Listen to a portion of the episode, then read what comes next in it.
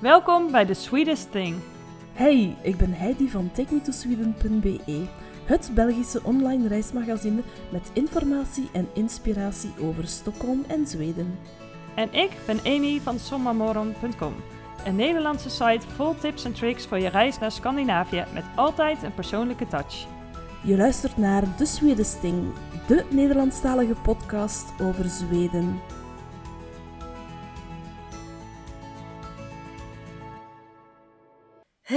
Vandaag trekken we de Zweedse natuur in. En die natuur is enorm divers. Het is een enorm land en er zijn dus grote verschillen in klimaat tussen Noord en Zuid. En uiteraard is er ook een groot verschil tussen de lichte zomers en de donkere winters. De Zweden houden van het leven in de frisse buitenlucht en daar duiken we vandaag wat dieper in. Want ook wij houden van luchtlief. Zeg eens, eh, Amy, wat is jouw mooiste herinnering aan de outdoor in Zweden? Nou, mijn mooiste herinnering ehm, is van vorig jaar in de zomer, dus 2019. Toen zijn uh, mijn vriend en ik samen met een wildernisgids de natuur ingegaan. Met rugzakken op onze rug, uh, met alles wat we nodig hadden.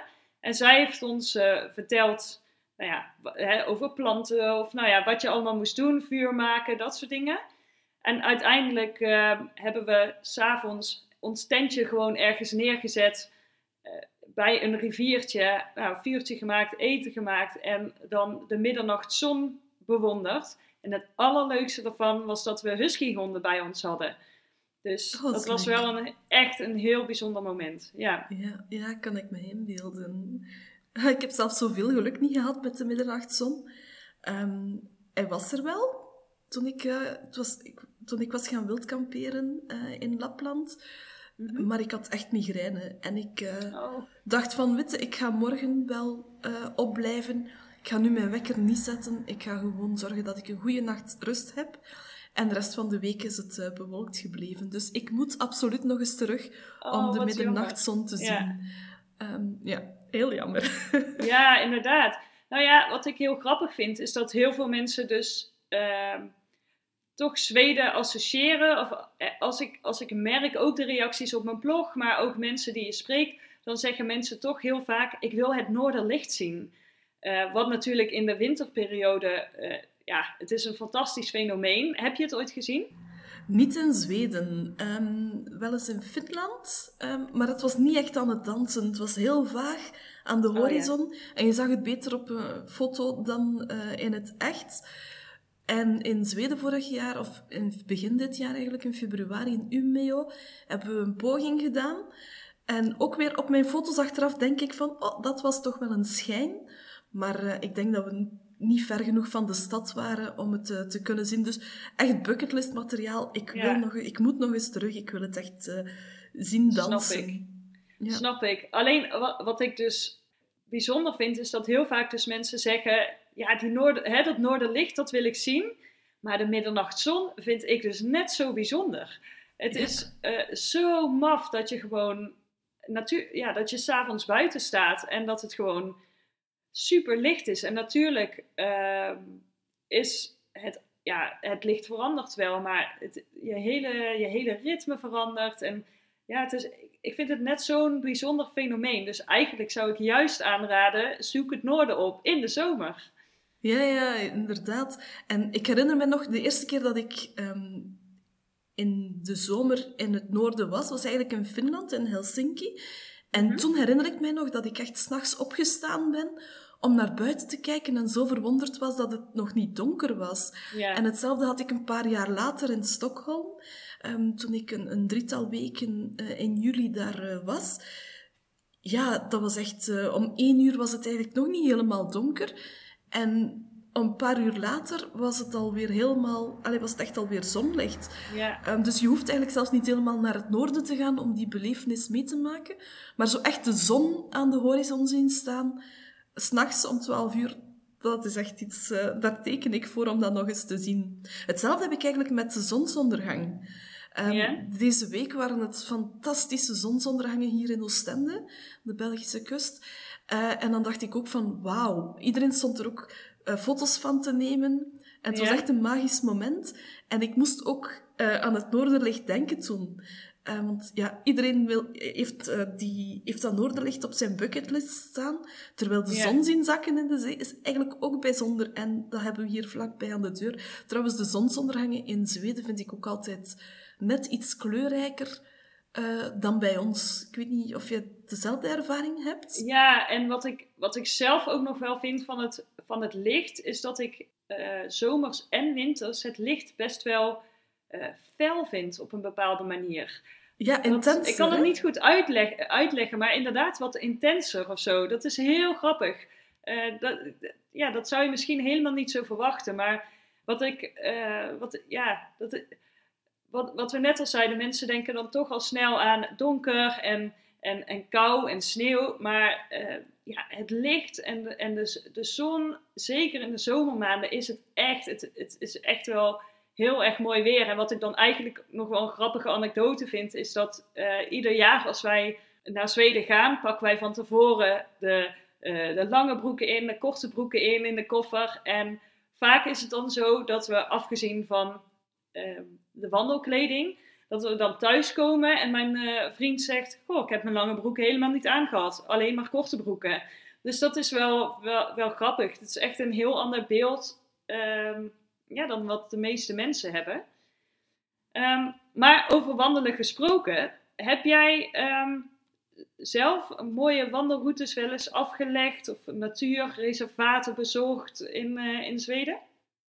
Uh, een van de mooiste wandelroutes uh, die ik gedaan heb, ik ben nog niet zo heel veel gaan wandelen in Zweden, um, dat was Sörmlandsleden. Uh, mm -hmm. En die vertrekt, of ja, dat was een stukje in Steendurren, een natuurreservaat, op een uurtje, anderhalf uur van Stockholm ongeveer. Iets ten zuiden ligt dat. Um, en dat was eigenlijk mijn eerste ervaring met ja, wandelen in Zweden. Dat was echt leuk daar uh, heeft de kribbel mij ook wel een beetje te pakken gehad. Um, mm -hmm. En ik vind het in het kort eigenlijk heel... Ja, ik vind het uh, over het algemeen heel leuk dat je zo vlakbij een stad als Stockholm um, zoveel natuur hebt. Op een half uurtje sta je in Hellasgården. En dat is zowel winter als zomer uh, toch wel een hele leuke plek om naartoe te gaan. Ik herinner me nog goed, de eerste keer dat ik daar in de winter was, waren ze aan het schaatsen op het meer. En er was ook een gat in het uh, ijs gemaakt. En daar kwamen de mensen uit de sauna gewoon uh, gelopen om even in het uh, koude water te duiken. Zelf ook gedaan trouwens. Fantastisch oh, gevoel.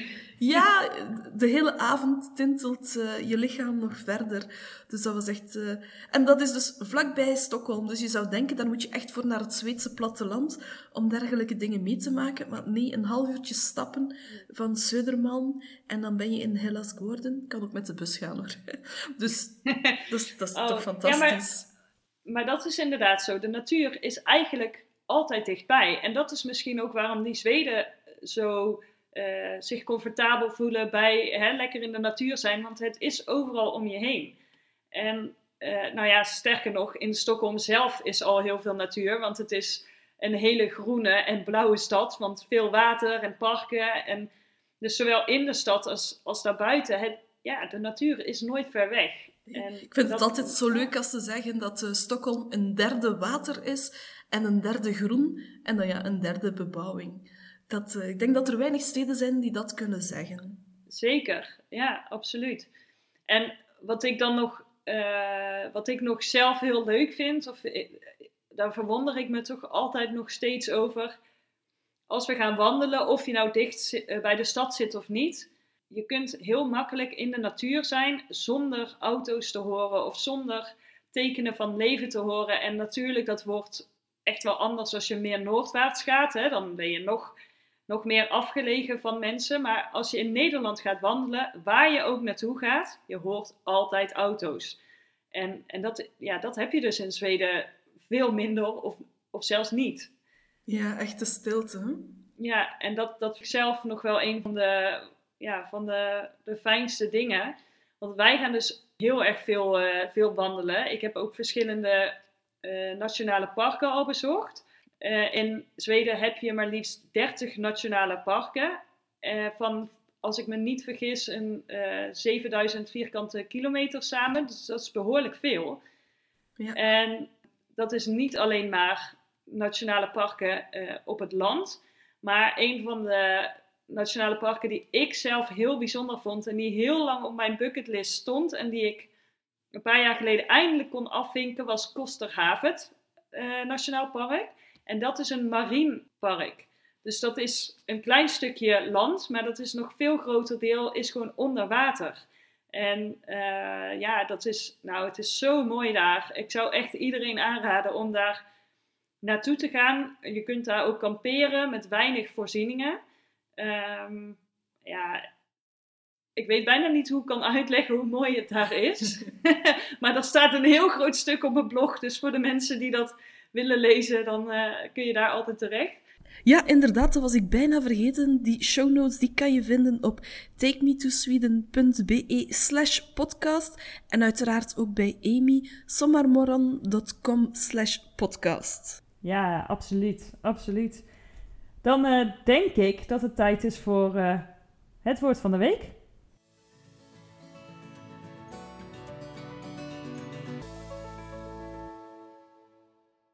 Ja, het woord van de week en dat is deze keer... Allemansretten. Allemansretten, dat klinkt een beetje als allemansrechts. Ja, dat, nou, helemaal, helemaal correct. Inderdaad, dus laten we er even bij stilstaan wat dat dan precies is, want het past wel heel mooi in deze podcast. Um, het allemansrecht is eigenlijk een, ja, maakt het een belangrijk onderdeel uit van de Zweedse levensinstelling dat iedereen het recht heeft om van de natuur en het land te genieten. Maar er is één heel belangrijk onderdeel: het respect voor de natuur. Dat is het allerbelangrijkste. Ja, je mag overal je tentje opzetten, een duik nemen, wandelen, paddenstoelen of bessen plukken, maar met respect voor de natuur. En wel belangrijk, als je met een gemotoriseerd voertuig, dus een camper of een auto, bent, dan zijn de regels een beetje strikter. Uh, en je mag ook nergens um, langer dan 24 uur blijven. Dus het is niet als je een leuke plek gevonden hebt, dat je daar gewoon, gewoon heel de week kan uh, blijven.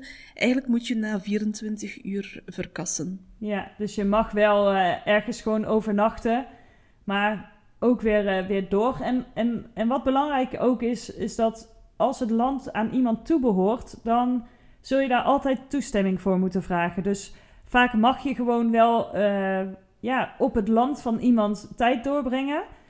Maar in ieder geval moeten ze daar geen last van hebben. Je moet het netjes achterlaten en vaak moet je daar dus ook toestemming voor hebben. Ja, en honden die moeten een groot deel van het jaar ook aangelijnd zijn. En ik heb eens gelezen dat dat met de jacht te maken heeft.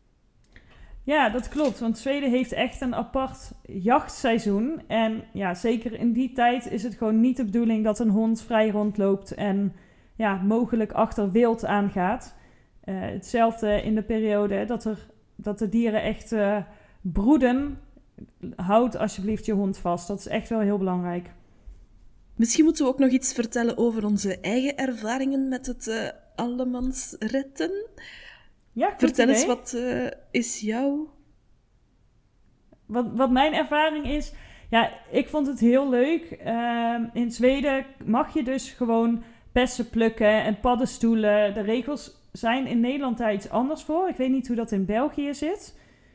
Ook heel streng hoor. Ja, ik denk uh, dat het ook niet mag hier. Zelfs paddenstoelen plukken mag niet. Uh, nee, volgens mij bij ons ook niet. En ja, in Zweden is zo'n overvloed aan bessen en, en dat soort zaken. Dat, uh, daar worden zelfs gewoon mensen voor ingehuurd om ze te plukken. Omdat ja, er, er gewoon zoveel is. Maar wat ik, ja, ik vond dat heel bijzonder om afgelopen zomer te doen. Dan kwamen we in een, uh, in een bos en overal waar je kon kijken zag je, uh, zag je blauwe bessen. En ja, dan komen ook mensen met, uh, met zakjes of met emmertjes en die gaan gewoon zelf die bessen plukken. En dat hebben wij uiteraard ook gedaan. Maar ik vond het toch wel heel bijzonder, omdat je dat juist in, in Nederland toch niet zo ziet. Heb jij ook een, een mooie ervaring met het allemansrecht? Ja, het wildkamperen dan. Een paar jaar geleden, 2017 denk ik, ben ik eh, met Inlandsbanen, eh, dat is een treintje die één keer per dag van Mora naar Östersund en van Östersund naar Gällivare rijdt, uh, meegereisd. En die trein die heeft bepaalde stops en dan stoppen ze om een museum te bezoeken, stoppen ze voor fika, of je kan ook gewoon uh, afstappen en een nachtje blijven, om dan de volgende dag of een paar dagen later terug verder te reizen met inlandsbanen. Maar wat bijzonder. En uh, dat heb ik uh, gedaan met de rugzak en met het tentje. En dat was wel bijzonder om uh, te gaan kamperen, wild kamperen in Zweden. Ik moet eerlijkheidshalve eraan toevoegen dat ik het afgewisseld heb met een paar nachten op hotel.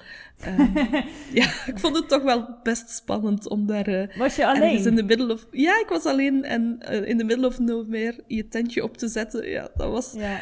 Ik voelde me toch iets veiliger op hotel. Maar ik wil het zeker nog doen, maar dan ja. misschien wel met gezelschap. Ik, ik snap het wel hoor. Ja, ik vertelde het dus straks natuurlijk over onze wildkampeerervaring. En toen waren we met z'n drieën, wat toch echt wel anders is. Uh, maar ik moet ook wel bekennen dat ik het toch wel heel lekker vond om bij terugkeer in ons uh, appartement gewoon weer echt een lekkere douche te, ne te nemen.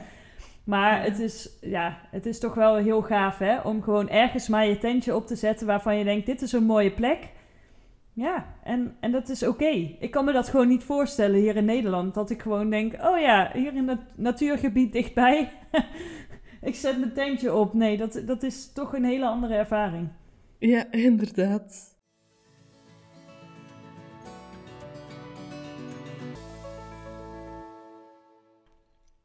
Fika-moment van de week.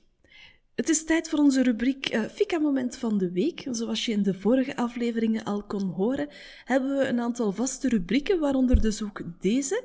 En vandaag staan we even stil bij Fika in de natuur. Amy, wat is jouw favoriete Fika-momentje in de natuur?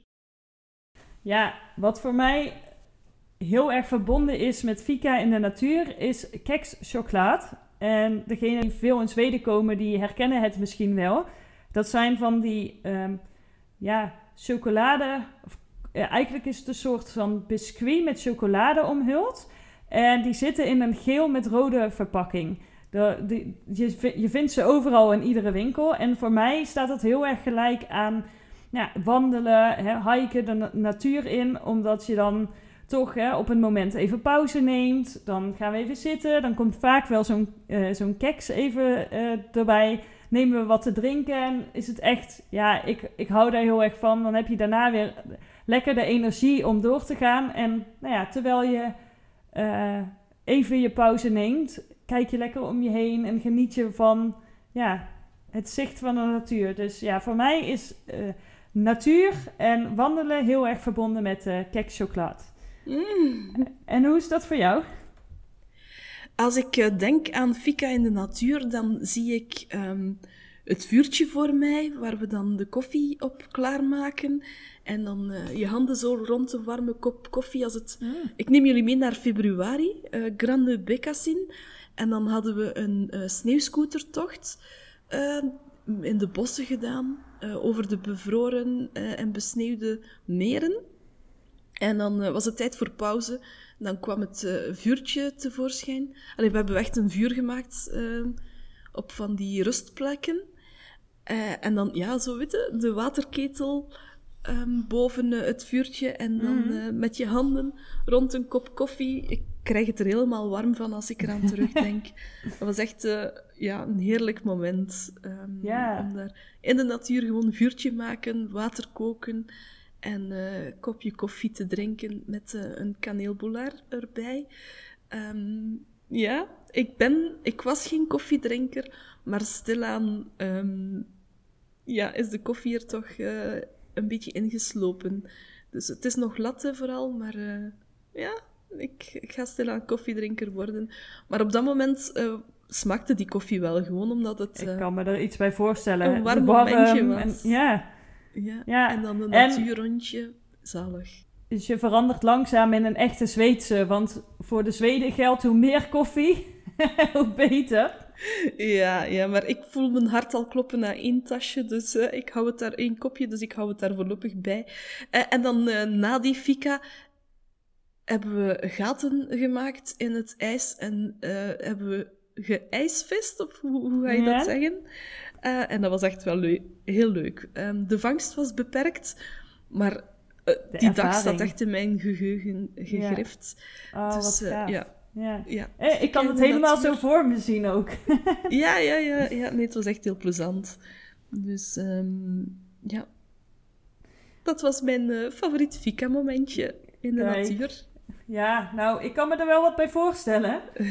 Ehm, ja, en als je dan lekker een Fika-momentje hebt gehad, dan is het tijd om in mijn geval door te wandelen.